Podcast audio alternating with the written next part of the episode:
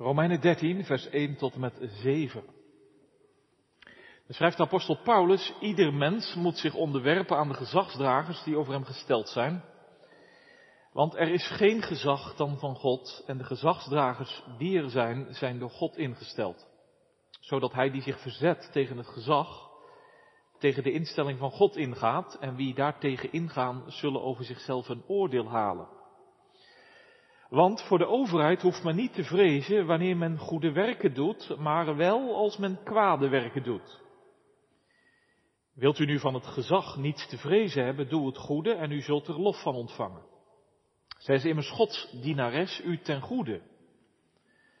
Als u echter kwaad doet, vrees dan, want zij draagt het zwaard niet zonder reden. Ze is namelijk Gods dienares, een wreekster tot straf voor hem die het kwade doet.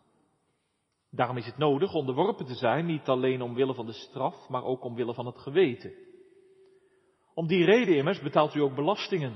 Het zijn namelijk dienaars van God, die juist daarmee voortdurend bezig zijn. Geef dus aan allen wat u verschuldigd bent, belasting aan wie belasting, tol aan wie tol, ontzag aan wie ontzag, eer aan wie eer toekomt. We lezen nog een brief van Paulus, een brief die hij schrijft aan zijn geestelijke zoon Timotheus, 1 Timotheus 2. 1 Timotheus 2, vers 1 tot en met 8. Ik roep er dan voor alles toe op dat smekingen, gebeden, voorbeden en dankzeggingen gedaan worden voor alle mensen. Voor koningen en alle die hoog geplaatst zijn, opdat wij een rustig en stil leven zullen leiden in alle godsvrucht en waardigheid. Want dat is goed en welgevallig in de ogen van God onze zaligmaker, die wil dat alle mensen zalig worden en tot kennis van de waarheid komen. Want er is één God, er is ook één middelaar tussen God en mensen, de mens Christus Jezus. Hij heeft zich gegeven als een losprijs voor allen. Dit is het getuigenis op de door God bestemde tijd. Daartoe ben ik aangesteld als prediker en apostel. Ik zeg de waarheid in Christus, ik lieg niet. Als een leraar van de heidenen in geloof en waarheid. Ik wil dan dat de mannen op alle plaatsen bidden met opheffing van heilige handen, zonder toorn en meningsverschil. Tekst voor de preek is Romeinen 13, vers 4a. Zij is immers Gods dienares, u ten goede. En dan gaat het over de overheid, want we hadden nog één leerdienst vanuit de Nederlandse geloofsbelijdenis te goed. Er staat een handout op de website en u heeft een handout aan het begin van deze dienst kunnen ontvangen. Want Guido de Bret die gaat dan um, een artikel schrijven over de overheid. 37 artikelen. Eén artikel blijft dan nog over. 37 hebben we behandeld in de adventstijd. Waarom schrijft Guido Bren nu over de overheid? Hij volgt daarin uh, Calvijn. En hij zoekt in zijn uh, beleidenis een bijbelse visie op de overheid. Nu is het wel goed om te weten voordat we dit gaan lezen. Dit artikel is meer dan eens punt van discussie geweest in de kerk. Met name die zin dat de overheid is geroepen om te weren en uit te roeien alle afgoderij en valse godsdienst en het rijk van de antichrist te vernietigen. In 1905 hebben de gereformeerde kerken in Nederland onder leiding van Abraham Kuyper die zin geschrapt. En die zeiden, nou ja, dat gaat wel erg ver, dat kun je niet van de overheid verlangen. In het samen op wegproces is dat weer een gesprek geweest tussen de gereformeerden en de hervormden. En deze zin is toch niet geschrapt. De zin is er weer ingekomen of blijven staan. Het argument was, je moet niet schrappen in een historisch document. De vraag is voor de preek natuurlijk, in hoeverre is dit toepasbaar voor onze dagen? Tegelijk moet je dit natuurlijk wel lezen vanuit de tijd van uh, Guido de Bre waarin hij staat. In die tijd was er eigenlijk geen godsdienstvrijheid, maar de koning die bepaalt uh, in het deel waar hij koning over is, welke godsdienst wordt gepraktiseerd. In die tijd betekende dat koning Philips, die was Rooms-Katholiek, en die zei nou, in mijn rijk um, zijn wij met z'n allen Rooms-Katholiek, en hij bestreed de protestanten. Guido de Bret die roept dus op in dit artikel, en hij zegt, uh, koning Philips neem nu stelling. U vecht tegen de verkeerde, stop daarmee, want u bent als koning juist verplicht om pal te staan voor de ware godsdienst. Nou, dat zeg ik even voor de preek, want in de preek ga ik geen historische verhandelingen geven. Ik denk dat u daar niet op zit te wachten. En anders, ja, dan moeten we dat maar een andere keer doen. Vanuit de schrift wil ik straks enkele lijnen trekken en daarin de stem van de beleidenis door laten klinken.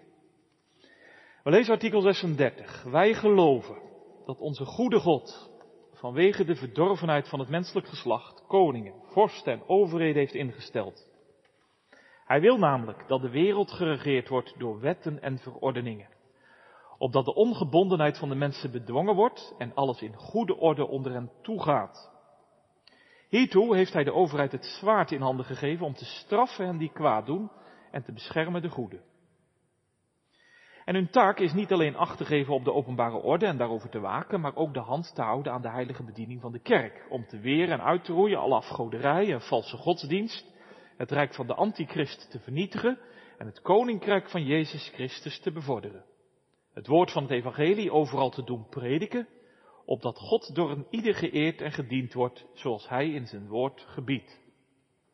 Verder is ieder van welke hoedanigheid, rang of stand hij ook mag zijn, verplicht zich aan de overheden te onderwerpen, belastingen te betalen, hun eer en eerbied te bewijzen en hun gehoorzaam te zijn in alle dingen die niet in strijd zijn met het woord van God. Ieder dient voor hen te bidden, opdat de Heere hen wil leiden in al hun wegen en opdat wij een gerust en stil leven mogen leiden in alle godzaligheid en eerbereid. Hierom wijzen wij de wederdopers af en andere oproerlingen en in het algemeen alle die overheden en magistraten verwerpen en de rechtsorde omver willen stoten voor het invoeren, door het invoeren van de gemeenschap van goederen en de goede zeden die God onder de mensen ingesteld heeft verstoren. Dat was de beleidenis van onze kerk. In de preek gaan we het dus hebben over de overheid als godsdienares, u ten goede. En met de oproep te eindigen, bid voor hen. Ja, gemeente hier en thuis, dat was toch wat? Die schriftlezing. Onderwerp je aan de gezagsdragers. De overheid is Gods dienares. En dan die oproep, bid voor koningen en alle die hoog geplaatst zijn. Wat een woorden. Hoe kwamen ze bij u en bij jou binnen? Want eerlijk is eerlijk, of je dit hoort in Wit-Rusland of in Nederland, dat maakt nogal verschil. Dacht je niet? Het is vandaag de zondag van de vervolgde kerk. Nou ja, in Noord-Korea bidden, in China bidden voor de overheid, voor hen die hoog geplaatst zijn, voor Kim Jong-un bidden, voor Xi Jinping bidden. Ik weet het, ze doen het, onze broeders en zusters, juist vandaag. Ze bidden om de bekering van hun leiders. Maar makkelijk is dat niet, dacht je wel? En je vraagt je af, geldt dat anderen dan ook voor hen? Onderwerp je aan die gezagsdragers? Of ligt dat toch net wat anders? Want om je nou te onderwerpen aan Kim Jong-un of die kerel in Wit-Rusland, nou ja, nou ja, dan moeten we toch nog eens even beter met elkaar gaan kijken. Trouwens, hoe lezen wij dit? Onderwerp je aan de gezagsdragers. Die politieagent die jou een boete gaf omdat je achterlichten niet deed. Weet je nog? Daar werd je niet vrolijk van. Wees eerlijk. En die belastingambtenaar die hele uw boekhouding kwam doorlichten. En moeilijk deed over die ene rekening. Je vond het muggenzifterij. Weet je het weer?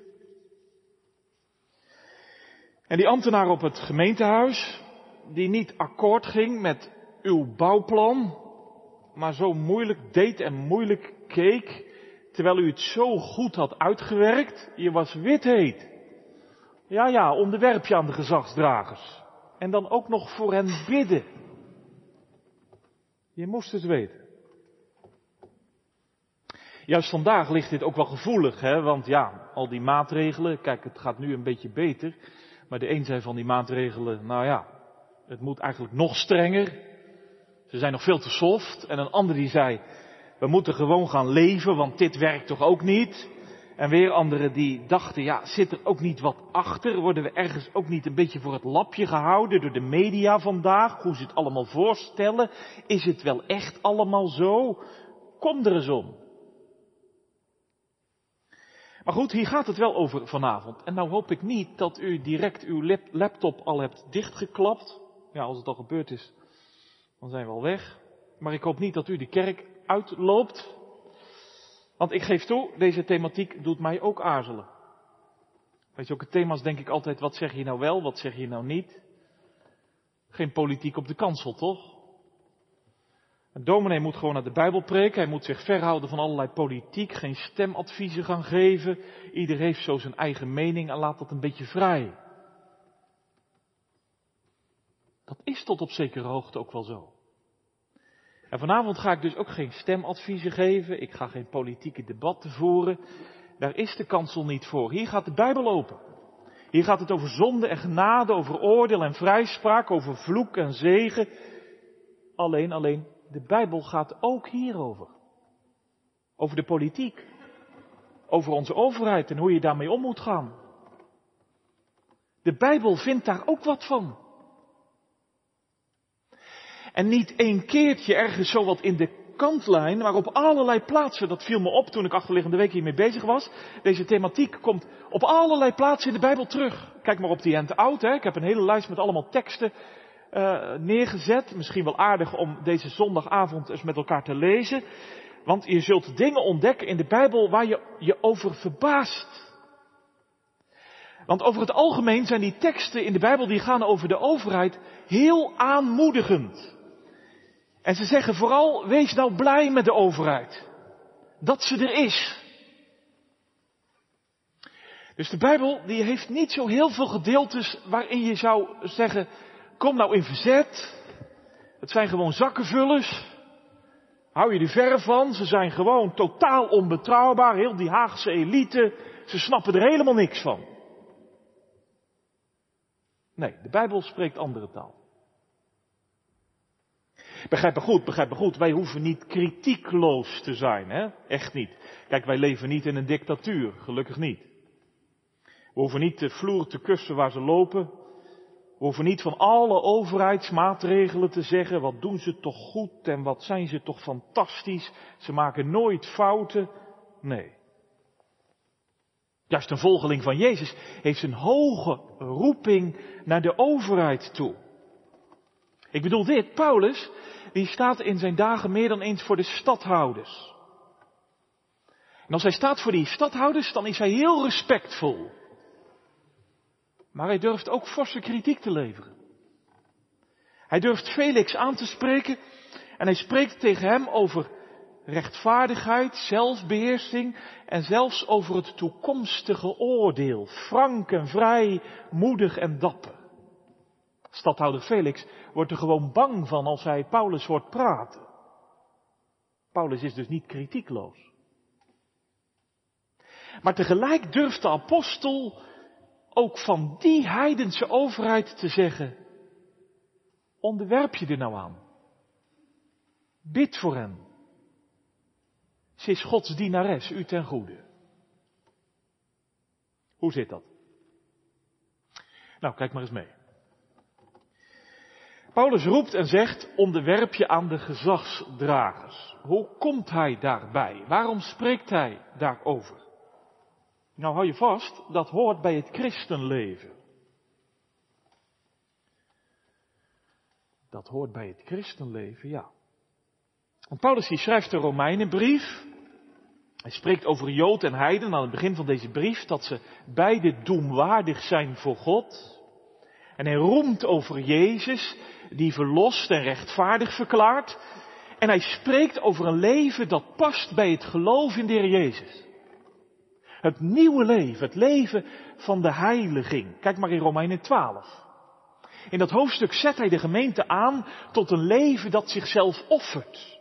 Tot een leven dat lief heeft. Tot een leven dat de ander vergeeft. Tot een leven dat bidt. Tot een leven dat hoopt. En tot een leven dat zich verblijdt. Heel dat mooie hoofdstuk. En juist dat gedeelte, Romeinen 12, loopt over in Romeinen 13. Dus Romeinen 13 is geen moralistisch lesje. Romeinen 13 is niet een soort moraalridder die voor je komt te staan met het omhoog even vingertje en zegt nou moet je goed luisteren en je moet heel netjes zijn en je moet goed oppassen en je moet je fatsoenlijk gedragen. Dit mag je wel en dit mag je niet en dit gaat nog net wel en dat gaat nog net niet. Pas op, anders. Nee, Paulus die geeft daarmee aan in Romeinen 13, juist je houding tegenover de overheid is als een testcase. Een testcase, ja. Waarvan? Hoe dan? Nou, Paulus stelt daarmee de vraag, hoe diep gaat die zelfopofferende liefde nu bij jou? En hoe ver gaat die zelfopofferende liefde voor Jezus nu bij u? Juist als het gaat tegenover zo'n heidense overheid. Zeker ook in die dagen. Paulus zegt eigenlijk, gemeente van Rome, hoe ver gaan jullie nu eigenlijk? Ook als de overheid het niet echt ziet zitten met die Jezus mensen. En hoe diep zit het nu bij jullie gemeente van Rome? Ook als de regering jullie niet zo goed gezind is. Voel je? Dit is een testcase. Juist de christen wordt opgeroepen, onderwerp je nu aan de gezagsdragers. Hé. Gezagsdragers. Dus niet onderwerp je aan het apparaat, aan het systeem, ergens ver bij jou vandaan, op afstand, ergens in een groot gebouw. Nee, Paulus die denkt aan hele concrete personen die je tegenkomt. Gezagsdragers, zegt hij in vers 1. Overheidspersonen, zo staat het er letterlijk in vers 3. Dus die politieagent, die BOA, die belastingambtenaar, die brandweerman, die wethouder, die burgemeester, die premier, de minister, de koning, onderwerp je aan hen. Want weet je, zegt Paulus, de overheid is Gods diaken. Zo, ja. Wat zegt hij? En die gezagsdragers, in vers 6 zegt hij, dat zijn de liturgen van God. Zo staat het er. Ze zijn in dienst van God. Het zijn gezagsdragers. Ze hebben de volmacht ontvangen. Om het gezag te dragen. Om gezaghebbend op te treden. Ja, zeg je maar van wie hebben ze dat gezag dan ontvangen? Wie geeft hen die volmacht? God. Zo staat het er. Vers 1. Door God ingesteld. Zeg je, maar onze overheid toch niet? Die mensen in Den Haag? Die mensen bij de Belastingdienst? Die politie die mij een boete gaf onderlaatst? Kijk, de meesten die geloven niet eens in God en velen hebben helemaal niks met Jezus. Nou, hoe was dat in Paulus' dagen? Hoe zat dat bij die mensen in Rome? Hoe was dat bij de ordehandhavers eh, van de stad Rome, de boa's in die dagen? Hoe was het bij de heren die tol heffen, de belastingbeambten in die dagen? De meesten geloofden niet eens in de God van Israël. Ze hadden echt niks met Jezus. Toch zegt Paulus dit. Hoe kan dat? Waar haalt Paulus dat vandaan? Hij heeft het geleerd van zijn meester. Hij heeft het geleerd van Jezus. Van Jezus, ja. Want jongens, hoe ging Jezus om met gezagsdragers? Wat zei hij tegen de gezagsdragers in zijn dagen? Begon Jezus een grote revolutie op touw te zetten? Heeft hij flink staan te rellen bij de stadhouders? Heeft hij zijn volgelingen een beetje opgehitst en opgestookt? En zei hij die lui daar in Jeruzalem en in Rome, Zoals de zeloten in die dagen, de zeloten die de Romeinen met geweld willen verdrijven. Nee, Jezus die zegt, betaal gewoon je belasting.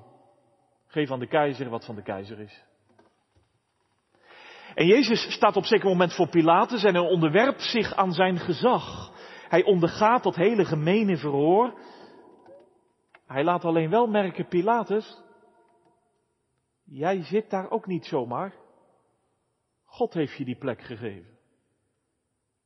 Want dat weet jij ook wel, hè? Pilatus die werd een beetje ongeduldig van dat hele Jezusproces.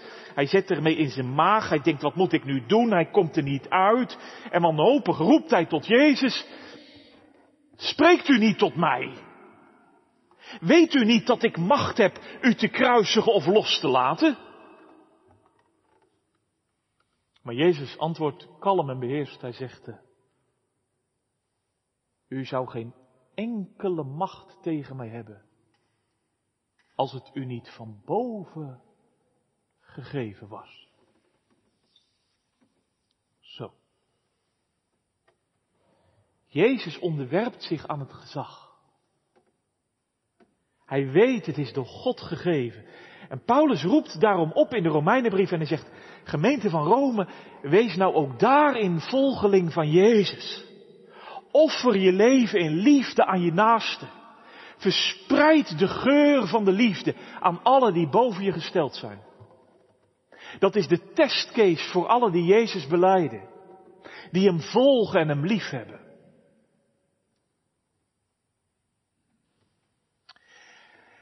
Alleen waarom zijn ze boven je gesteld? Is dat nou nodig, een overheid? Waar komt dat eigenlijk vandaan? Nou, Bonhoeffer die geeft in zijn aanzetten tot een ethiek, dat is wel een mooi boek om te lezen, hij geeft drie funderingen. Hij zegt, sommigen, die zeggen dat komt vanuit de natuur van de mens. Mensen zoals Aristoteles, die zeiden, kijk, de mens die uh, ging samenleven. En toen dachten ze goed na. En toen dachten ze, ja, het zou wel goed zijn als er een bovenlaag zou zijn die het een en ander regelt. En daarom is er een overheid gekomen omdat mensen goed hebben nagedacht. Anderen, de reformatie, die zegt, uh, dat komt vanwege de zonde. Kijk, voor de zondeval was het niet nodig. Maar toen de zonde in de wereld kwam, toen werd het anders.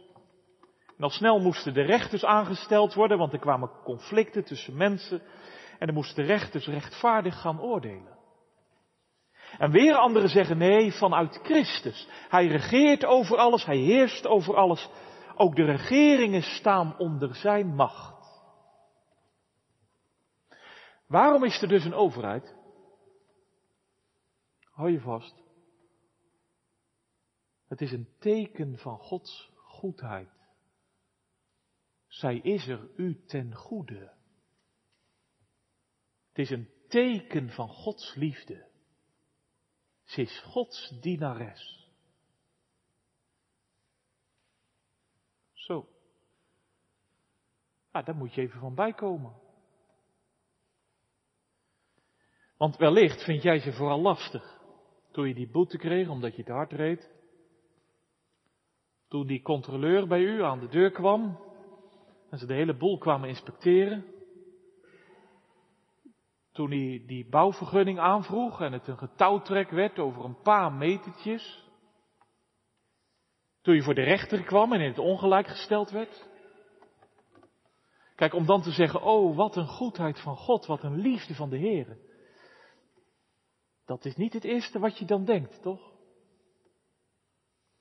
Dat begrijp ik heel goed.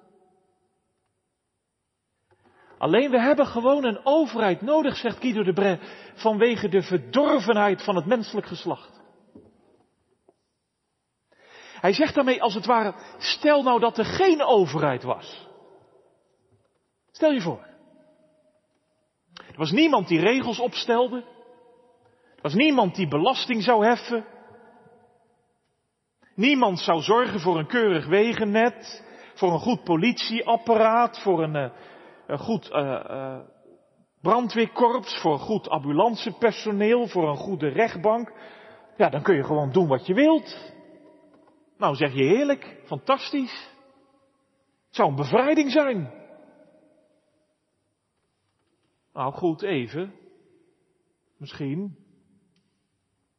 Maar kijk eens naar landen in deze wereld waar anarchie heerst. Waar er geen goede politie is en geen goede overheid. Nou, dan ben ik blij dat ik in Nederland woon. Jij niet? We hebben het gewoon nodig. Onbeperkte vrijheid kunnen wij niet aan. Dan wordt het een chaos. Kijk, je zegt tegen je kinderen toch ook niet, ga maar je gang, je mag alles, je doet maar, bepaal het zelf maar. Nee, dat lijkt me trouwens ook niet echt liefdevol als je ouders zo met je omgaan. Als ze zeggen, doe maar en het maakt ons allemaal niks uit. Nee. Daarom zegt Paulus, onderwerp je nou aan het gezag. Laat zien wie je bent. Offer je leven in liefde, zoals Jezus het heeft gedaan, ook tegenover de overheid. Want zij is Gods dienares. Wees eerlijk. Betaal je belasting. Geef geen aanstoot. Doe het goede. Want de overheid draagt het zwaard niet te vergeefs. Ja, dat zegt Paulus, hè?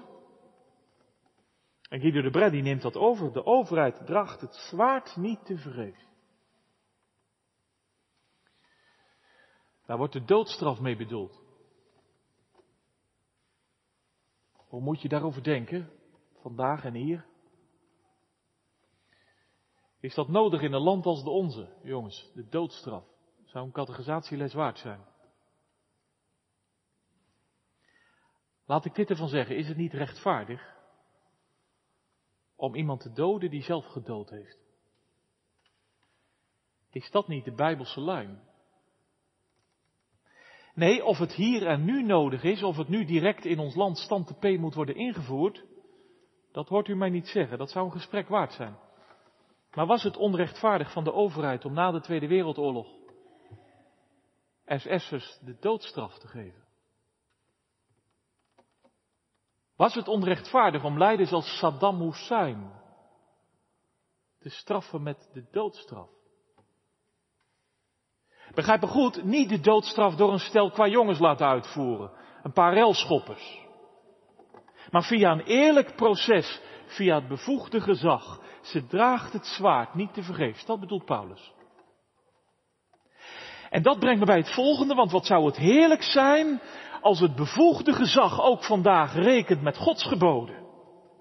Als er in de vergaderzalen van ons land mensen zijn die vooral daarin voorop gaan. Als we een overheid ontvangen die rekent met Gods woord, dat zou toch geweldig zijn. Die de hand houdt aan de heilige bediening van de kerk, zoals Guido de Bres zegt.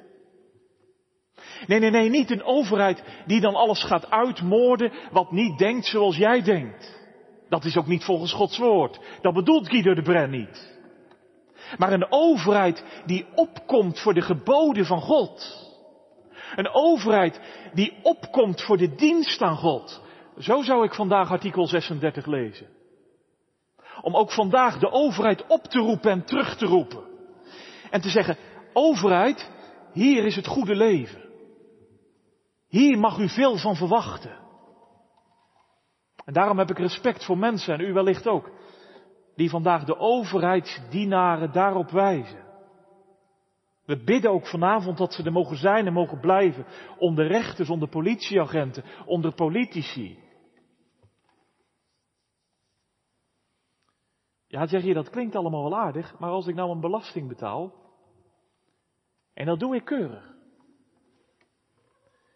Maar dan denk ik, ja, de overheid doet daar allemaal dingen mee, waarvan ik soms denk, mijn belastinggeld wordt eigenlijk verkwist. Wat moet ik dan doen? Nou, wijs je erop, breng het onder de aandacht. Ja, zeg je, ja, ja, wijs je erop, breng het onder de aandacht. En als dat nou niet helpt, ben je volgeling van Jezus. Ben je volgeling van Jezus? Geloof je in het eindoordeel? Want op die dag van hem, dan sta ik voor de troon. En daarom heeft Paulus het ook tegen Felix over het laatste oordeel. Hè? Paulus doet dat ook. Hij zegt, kijk, op die dag dan sta ik voor de troon en u ook. En dan moet ik verantwoording afleggen wat ik met mijn geld en met mijn gaven gedaan heb. Maar dan staat ook Mark Rutte voor de troon. En Sigrid Kaag en Carola Schouten. En staan we er allemaal. En dan zal God recht spreken. Dus laat dat dan hem over. Ja, ik geef toe hoor, ik geef toe. Het is ook wel heel verdrietig als eh, onze overheid wetten maakt die lijnrecht tegen Gods geboden ingaan, toch? Diep pijnlijk, hè? Een overheid hebben die abortus legaliseert, euthanasie. Niet meer het huwelijk als een verbond tussen één man en één vrouw. De zondagsrust, dat is verdrietig. Als een overheid kwetsbaar over het hoofd ziet in haar beleid, discrimineert in haar systemen, dat maakt niet echt blij. En toch geldt ook van onze overheid gemeente. Ze is Gods dienares. Onderwerp je aan haar. Ja, zeg je ja, ja, ja. Maar altijd. Moet je dat altijd doen. En in alle gevallen en onder alle omstandigheden. Als je nu in Wit-Rusland woont. Als je nu in Noord-Korea leeft. Gelden die woorden dan ook? Nou, er is wel een grens, hè? Er is wel een grens. Het houdt op als een overheid zaken gebiedt die God verbiedt. Het houdt op als een democratie trekken gaat vertonen van een democratie. Kijk, toen Hitler aan de macht kwam, hè, Hitler die kwam aan de macht, gewoon dat het Duitse volk stemde in het stemhokje op Hitler. Toen waren ze de volgelingen van Jezus die het demonische zagen in het nazisme. Volgelingen van Jezus in Duitsland en in Nederland die in fel verzet kwamen, omdat het ging om Gods naam en Gods volk. Kijk, en daarom is het goed dat we het er vanavond over hebben. En daarom is het goed dat we vanavond elkaar er vooral in aanmoedigen om te bidden. Te bidden, ja. Doet u dat? Doe jij dat? Bidden voor de gezagsdragers, voor de politie, voor de rechters, voor de wethouders, voor de belastingambtenaren, voor de. Paulus zegt het. Want misschien heb je best kritiek. Op verjaardagen, de grappen zijn niet van de lucht over ambtenaren en politieagenten. Maar bid je ook voor hen? Koopmans, een theoloog, die zegt, dat is de meest kritische houding. Vond ik wel goed gezegd. Bidden voor de overheid, dat is de meest kritische houding. Dus bidden, dat is niet alles goed praten en alles recht praten. En alles glad strijken. Maar bidden, dat is de meest kritische houding, want in het gebed breng ik alles bij Hem. Mijn eigen leven, maar ook dat leven van al die anderen die een taak van God ontvangen hebben. Om ze allemaal te brengen bij de koning der koningen en de heren der heren. Paulus spoort erin aan. In alle mogelijke kleuren roept hij op. En hij zegt, ik roep ertoe op dat er gedaan worden smekingen, gebeden, voorbeden, dankzegging voor alle mensen. Voor koningen, voor hooggeplaatsten. Waarom, Paulus? Zodat wij een stil en gerust leven mogen leiden. Dat zegt Paulus. Nee, daarmee bedoelt hij niet dat we een rustig leventje mogen leiden. Zo'n beetje van huisje, boompje, beestje, aardig rustig allemaal. Nee, hij bedoelt daarmee dat de overheid zo overheid zal zijn dat je een leven leiden mag. Waardoor je een zeker vertrouwen mag hebben in de mensen om je heen. Dat je een zeker vertrouwen mag hebben in de rechters, in de overheidsdienaren, dat je ze niet hoeft om te kopen, om recht te ontvangen. Dat je ze ook niet hoeft af te kopen om iets gedaan te krijgen. Het gebeurt ook vandaag in heel veel landen. Moet je eventjes een beetje ja, dan krijg je het voor elkaar. Nee, bid, zegt Paulus, om een leven te ontvangen in alle godsvrucht. Dat je in vrijheid God dienen mag. Bid om een leven te ontvangen in alle waardigheid. Dat betekent dat de overheid zo overheid zal zijn dat alle mensen een waardig leven ontvangen. Een menswaardig bestaan kunnen leiden. Bid daarom voor de overheid. Want weet je, weet je, als de overheid haar plek weet, als de overheid haar taak verstaat, dan is dat goed in de ogen van God en onze zaligmaker. Want, zegt Paulus, en dat knoopt hij er meteen achteraan, viel het je ook op? Hij zegt, want God wil dat alle mensen zalig worden. En dat alle mensen tot kennis van de waarheid komen. Dat staat er. Kijk, en daarom die hele preek over de overheid. Het was ook niet een thema wat ik meteen uh, dacht uit te kiezen, maar ja, het ging erover. En daarom die oproep tot gebed. Hier loopt het op uit dat de overheid ook vandaag zo overheid zal zijn. Dat alle mensen in Nederland en daarbuiten dit zullen weten en ontdekken. Hoor je dat? Want God wil jouw zaligheid. God wil je tot kennis brengen van de waarheid. Hier moet het naartoe. God wil dat u zalig wordt. God wil dat u buigt voor Jezus. En hij wil dat alle mensen zalig worden. Dan moet je niet meteen zeggen, ja, maar de verkiezing is er ook nog, daar gaat het hier niet over. Dit staat er, nu geen schriftkritiek. God wil dat alle mensen zalig worden. God wil dat jij en dat jij en dat u en dat u buigt voor Jezus. Zeg eens jongens, hoe zit dat bij jullie? Want zojuist had ik het over onderwerp je aan de gezagsdragers. En misschien voelde je wel een beetje weerstand, want die politieagenten en die belastingambtenaren en. Nou ja, je weet het zelf wel. Maar hoe is dat bij jullie als het gaat over Jezus?